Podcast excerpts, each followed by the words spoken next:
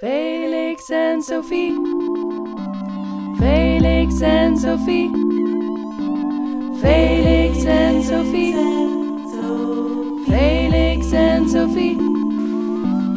Felix en Sophie. Felix en Sophie. Felix en Sophie. Felix en Sophie. Felix en Sophie. Hallo en leuk dat je luistert naar de Felix en Sophie podcast.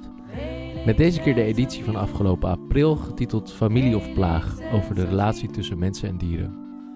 Aan het woord is Terza Bruggeman, die laat zien aan de hand van poëzie wat we van dieren kunnen leren. Veel luisterplezier. Mijn lezing gaat over uh, zoopoëzie en zoopoëtica. En zo staat voor dieren. Um, het begin is een beetje taai, daar moeten we even doorheen. En daarna wordt het leuk en zielig. Oké, wat is zoopoëtica? Um, dus het taaie begin. Dus Driscoll en Hoffman, uh, Driscoll zit, uh, Driscoll zit in Utrecht. die hebben een boek geschreven, What is Zoopoetics? En die schrijven over uh, zoopoëzie. The task of zoopoetic reading is precisely to explore what lies between these two extremes the mutual imbrication and entanglement of the material and the semiotic, the body and the text, the animal and the word. Ja, oké. Dus imbrication, dat is een soort dakpansgewijs. Uh, is dit, wat is dit?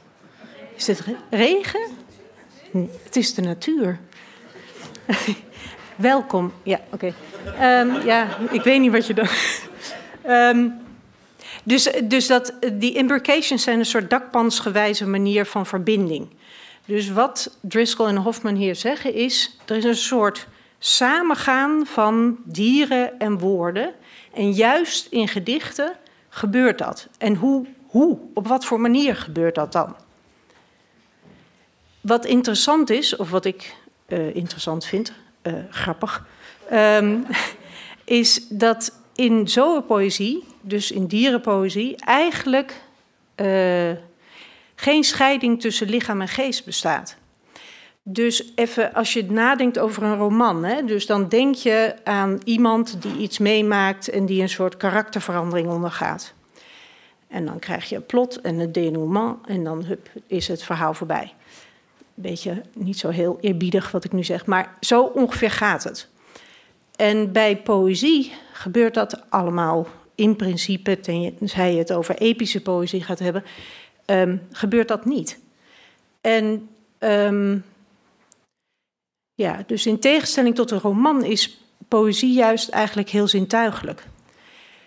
Uh, en eigenlijk zeg ik het nu al verkeerd, want het is natuurlijk zintuigelijk, maar verbonden met een binnenwereld waarvan dichters hè, dus eh, ervan uitgaan dat je die kunt kennen. Dus dat gaan we zo uh, zien.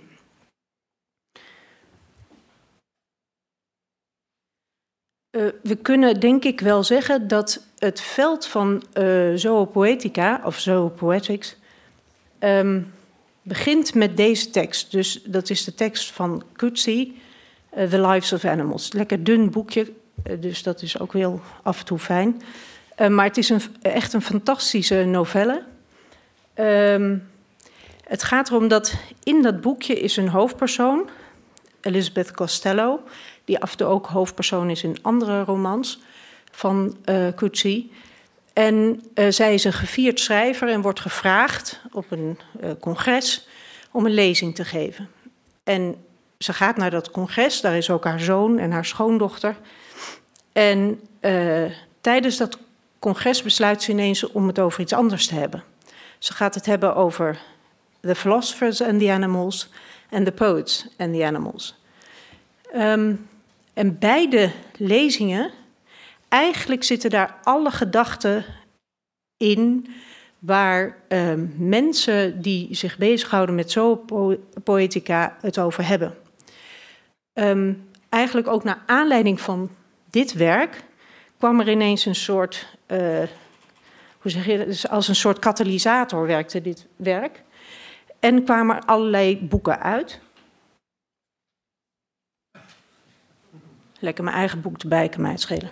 Ehm, dus uh, ja, ik sta hier nou toch. Nee, um, dus uh, je, je ziet het ook, hè, dus van Driscoll en Hoffman, waar ik net iets over zei, rechtsonder.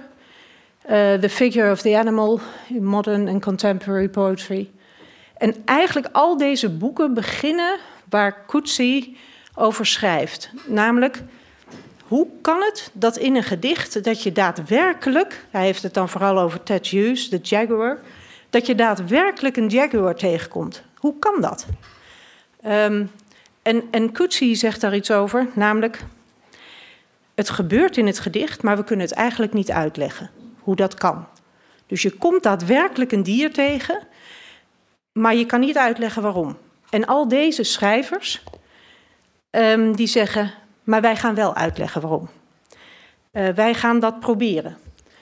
Um, en ik zat net te denken bij, um, uh, dus bij Maarten en bij uh, Marjan. dus, dus je hebt zo'n pressende kwestie de hele tijd. Van hoe krijg je nou een andere mindset bij mensen over dieren? Um, en Coetzee is daar tamelijk stellig over. Die zegt, of Elizabeth Costello zegt, of je gaat poëzie lezen, of je gaat naast een dier lopen, of je doet het allebei. Dan moeten we zo even naar kijken waarom die twee naast elkaar kunnen staan. Ja, waar Coetzee uh, of Costello uh, op reageert is het beroemde uh, experiment van Thomas Nagel What is it like to be a bat? En dan zitten we wel echt in de filosofie. Um, dit experiment van Nagel, dat gaat eigenlijk natuurlijk helemaal niet over een vleermuis. Ik bedoel, het is een leuke titel. Ik denk dat hij zoiets dacht of zo. Maar het gaat er natuurlijk om dat het eerste persoonsperspectief, volgens Nagel, niet uit de theorieën van bewustzijn, uh, niet in de theorieën van bewustzijn mag ontbreken. En hij gebruikt daarbij een bed als voorbeeld. En hij zegt, omdat beds, hè, die hebben een soort van idee van hoe het is om een vleermuis te zijn. Dus hè, we staan een beetje dicht bij ze, maar niet te veel. En hij zegt, um, oké, maar wat is, hoe is het dan om een vleermuis te zijn? En hij zegt daarover dit insofar as I can imagine this, which is not very far, it tells me only what it would be like for me to behave as a bat behaves. But that is not the question. I want to know what it is like for a bat to be a bat. Yet if I try to imagine this, I am restricted to the resources of my own mind, and those resources are inadequate to the task. Dus dit is eigenlijk, denk ik, voor ons in ieder geval, uh, ons, ik bedoel niet mezelf als meervoud of zo, voor de zoopoëtica is dit de belangrijkste zin. Dus dat je zegt, oké, um, we kunnen ons niet inleven in een vleermuis of een ander mens, want er zit een soort grens van ja, ik kan misschien nog wel een beetje me voorstellen hoe het is om rond te vliegen en motten in mijn mond te vangen. Maar dat doe ik de hele tijd vanuit mijn eigen perspectief. Dus ik kan niet mijn zelf, mijn eigen zelf, wegduwen en die hele vleermuis verwelkomen, zou ik maar zeggen. Um, dit wordt als een soort waarheid, als een koe uh, gelezen. Ook door uh, Frans de Waal bijvoorbeeld. Dat is gek, hè? Dus dat, nou ja, maakt niet uit. Uh, dus Frans de Waal zegt dit bijvoorbeeld in het begin van... Uh, are we smart enough to know how smart animals are? Dan zegt hij, uh, heeft natuurlijk gelijk. We kunnen nooit vanuit het standpunt van een vleermuis weten... hoe het is om een vleermuis te zijn. Um, dus zelfs biologen um, geven Nagel nog steeds, 1974, helemaal gelijk. Maar er zit ook iets geks in die zin. Namelijk, stel je nou voor, hè, je loopt in een kamer. En je uh, doet je ogen dicht en je gaat praten. En op een gegeven moment hoor je dat de muren dichterbij komen. dan oefen je dus een vorm van echolocatie.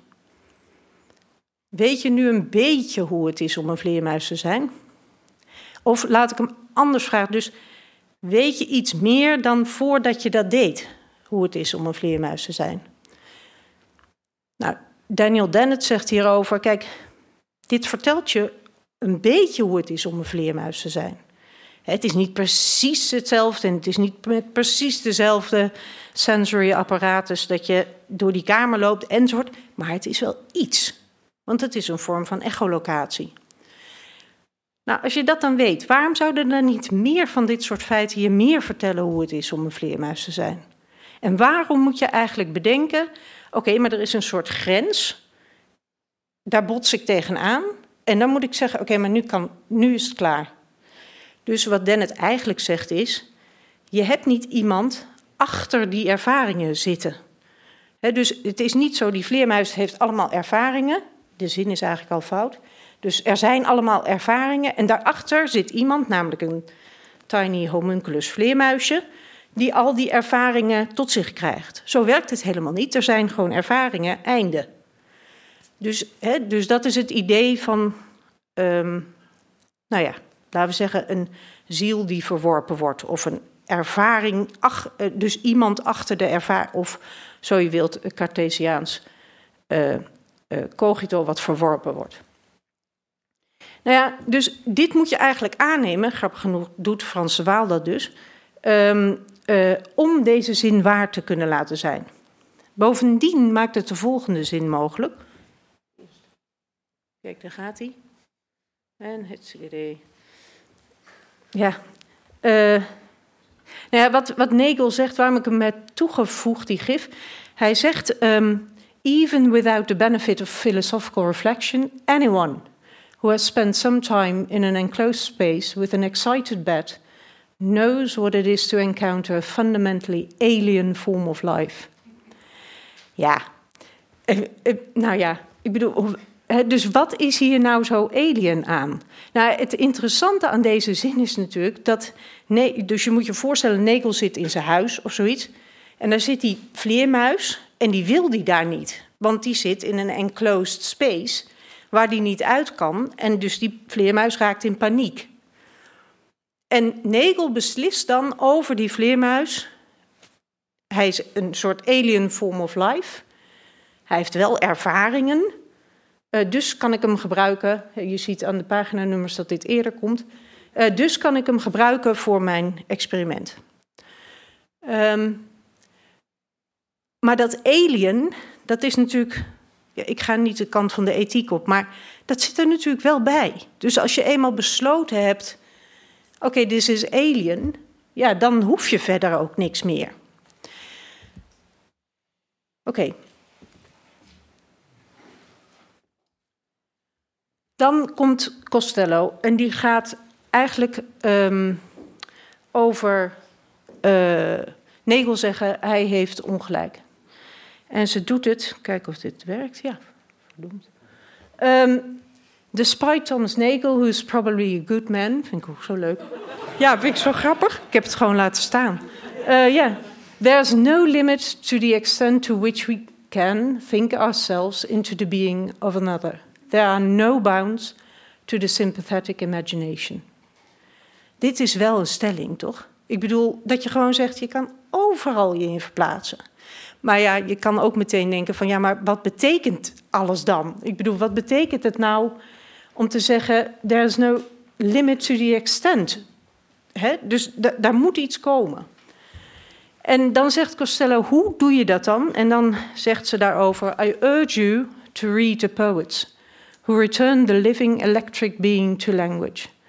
And if the poets don't move you, I urge you to walk flank to flank beside the beast. Hier zie je die, um, die naast elkaar stelling van gedichten lezen en tijd met ze doorbrengen.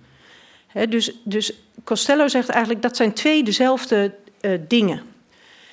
Um, en dan betekent het wel dat als je tijd met ze doorbrengt, dat je dat doet ik denk ook dat ze daarom eerst de dichters noemt, dat je dat doet op hun, hoe zeg je dat, in on their terms. Dus op hun voorwaarden of op in, dat jij te gast bent bij hen. Want dat is wat uh, in gedichten gebeurt. Oh ja. Ja. Um, het geinige hiervan is, dus hier heb ik um, over geschreven in mijn proefschrift, dat hoe, dus hoe kan dit, hè, dat dit naast elkaar bestaat? En hoe krijg je dan die dieren in al hun alteriteit, hè, dus hun anders zijn of gelijk zijn, of hoe ze ook zijn, hoe krijg je ze in een gedicht? En dichters denken daar gek genoeg heel vaak hetzelfde over. Dus. Um, nou, lekker veel. Uh, dus Elizabeth Bishop, die zegt. Uh, Elizabeth Bishop is een Amerikaanse uh, dichter, 1911, 1979. Giving oneself up entirely to the object under contemplation to feel in all sincerity how it is to be it. Ze prijst hier trouwens Marianne Moore, die een hele grote collectie dierengedichten heeft geschreven. En daar gaat het ook over. En Ted Hughes, dus die uh, centraal staat in The Lives of Animals, die zegt: All the nagging impulses that normally distract you dissolve. You are aware in a horizontless and slightly mesmerized way. En C.O. Jellema. Goed om je heen kijken naar alles wat er gebeurt, leeft, er is en weer verdwijnt. En jezelf daarin, sorry, los te laten. Dus eh, ook weer dat loslaten of giving yourself up. En Harmse van Beek, over wie het veel te weinig gaat, vind ik. Uh, om iets, dit is de jumpy style of uh, Harmse van Beek. Om iets, wat dan ook, om een van je eigen afwijkende levensvorm te kunnen begrijpen. Enfin, begrijpen kan meestal wel, maar bevatten kan niet. En daarin schuilt de moeilijkheid om iets, wat dan ook, te doorgronden. Zelfs indien van tevoren al duidelijk is, zoals met alles, dat het toch wel nooit zal lukken, moet men om te beginnen zich heel klein maken. Heel onaanwezig, zo onverdacht mogelijk en dus zeer liefhebbend. Wat um, hier gaaf is, vind ik aan dit, uh, dus aan Van Harmsen van Beek, is dat liefhebben en onverdacht en on onaanwezig zijn hetzelfde is. Dus uh, ook Coetzee schrijft hierover. Namelijk dat uh, de sympathetic imagination, dus daar zit dat love een beetje in, zou je kunnen zeggen, gaat helemaal niet over ik voel iets voor jou en ik projecteer aan. Het gaat erover dat je ruimte maakt voor de ander. En dat schrijft Van Beek ook. Nou, hoe doen ze dat dan? want dat is dus de voorwaarde om een dier helemaal in een gedicht te krijgen. Um, ik heb uh, in mijn proefschrift een aantal een soort van technieken in gedichten gevonden. Uh, sommige zijn bijvoorbeeld metaforen, die kent natuurlijk iedereen. Um, eigenlijk zijn die technieken erop gericht om ja, dus de dichter zelf naar de achtergrond te dringen en uh, wat centraal staat in het gedicht naar voren te halen.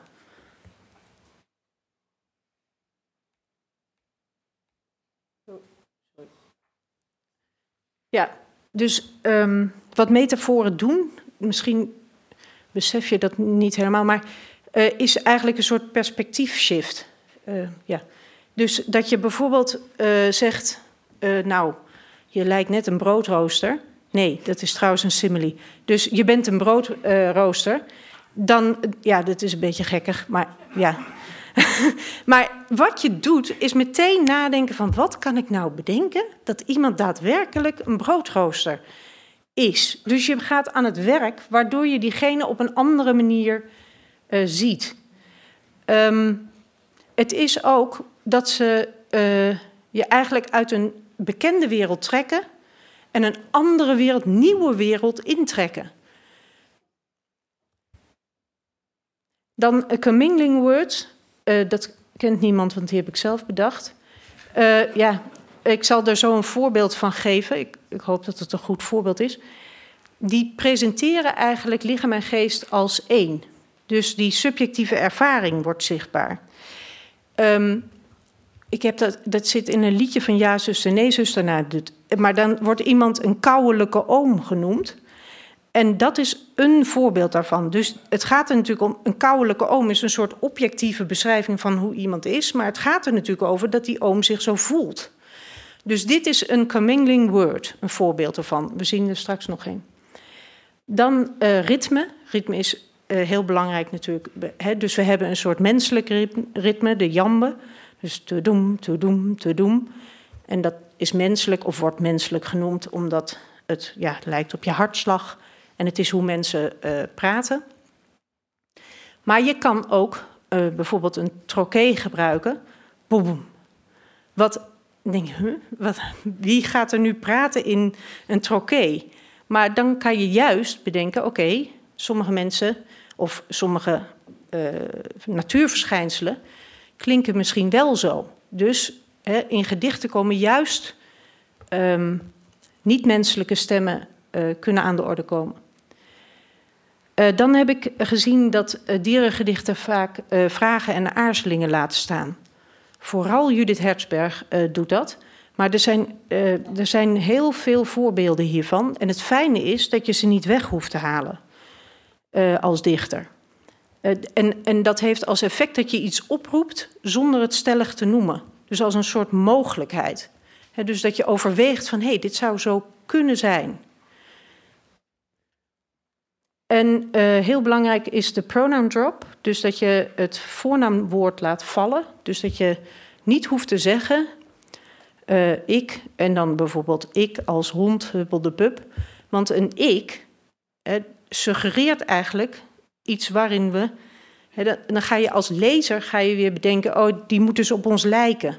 En die gaat weer een karakterverandering ondergaan. En wel. Dus dichters kunnen gewoon die voornaamwoorden weglaten, waardoor je alleen maar ervaringen overhoudt.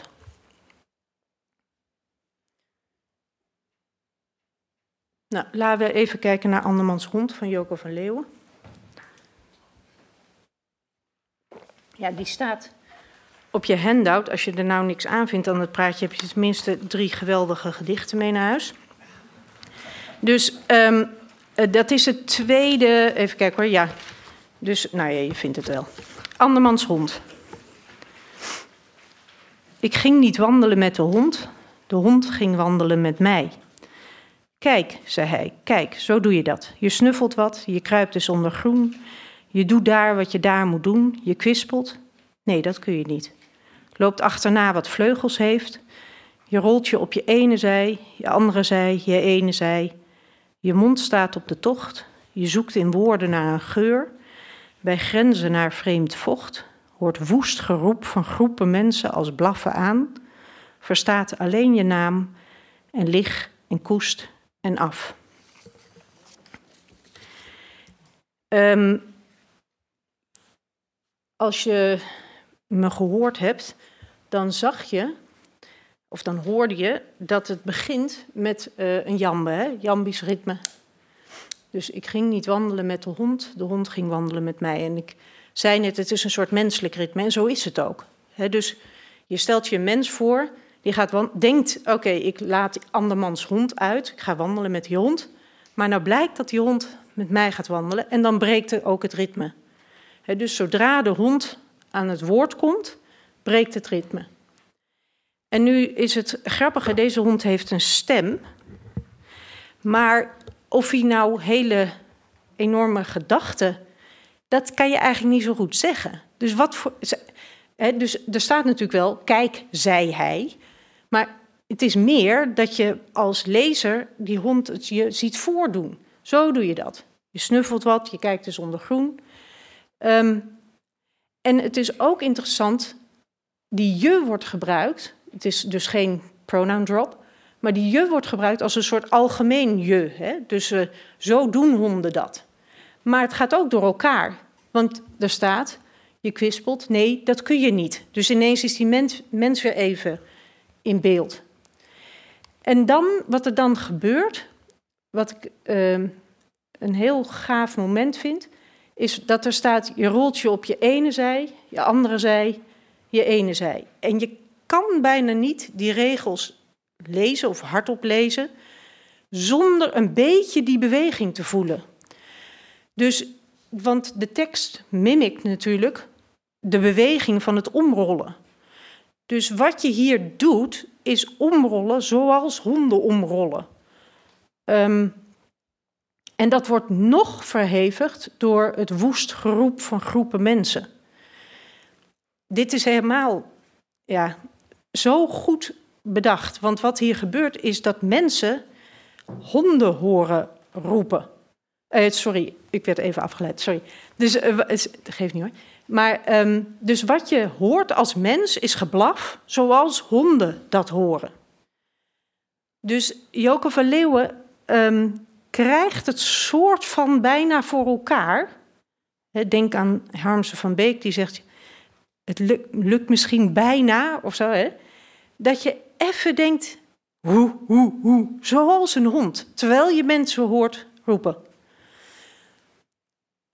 En dat doet ze dus door uh, ritme, herhaling, hè? je ene, je, uh, ene zij, andere zij, ene zij, en de assonantie in uh, woest geroep van groepen mensen. Um, ja, dus ik heb nog twee minuten. Klopt dat? Oké, laten we dan. Um...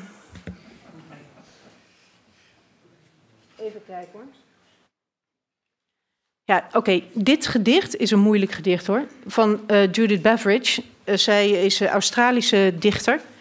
Wat gaaf is, omdat je natuurlijk zoveel ruimte en dieren daar hebt.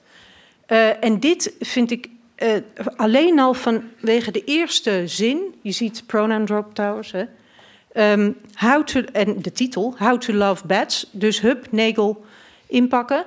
En wat zij zegt is, begin in a cave. Dus je moet er gewoon naartoe. Je moet kijken en daar zijn. Dus hier heb je een gedicht wat volgens Kutsi allebei zou zijn. Dus het is een oproep om daarheen te gaan, maar eigenlijk is het gedicht is de uitschrijving van het met die vleermuis zijn. En dat vertalen voor mensen. Want dat moet natuurlijk wel, want wij zijn menselijke lezers. Dus, dus dat is wat die metaforen in dit gedicht, als je het leest, de hele tijd doen. Een soort vertaling maken tussen onze wereld en de wereld van een vleermuis. Oké, stop. Oké, ja.